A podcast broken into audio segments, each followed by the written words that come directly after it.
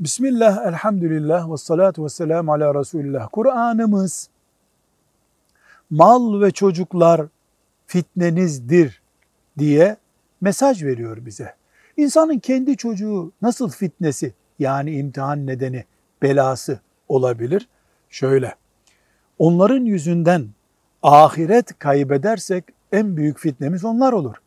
Onlara düşkünlüğümüz haramlardan taviz verme nedenimiz olursa, onları haram yiyen, içen, haram konuşan biri olarak yetiştirirsek bizim kayıp nedenimiz olur.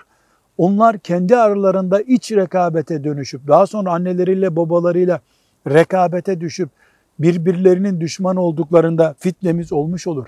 Çocuklarımız cimrilik ve korkaklık nedenimiz olduğu zaman tam belamız olmuş olurlar. Kibir ve zulüm yapma nedenlerimizden biri olursa çocuklar, biz zaten çocuklar yüzünden helak olmuş oluruz. Velhamdülillahi Rabbil Alemin.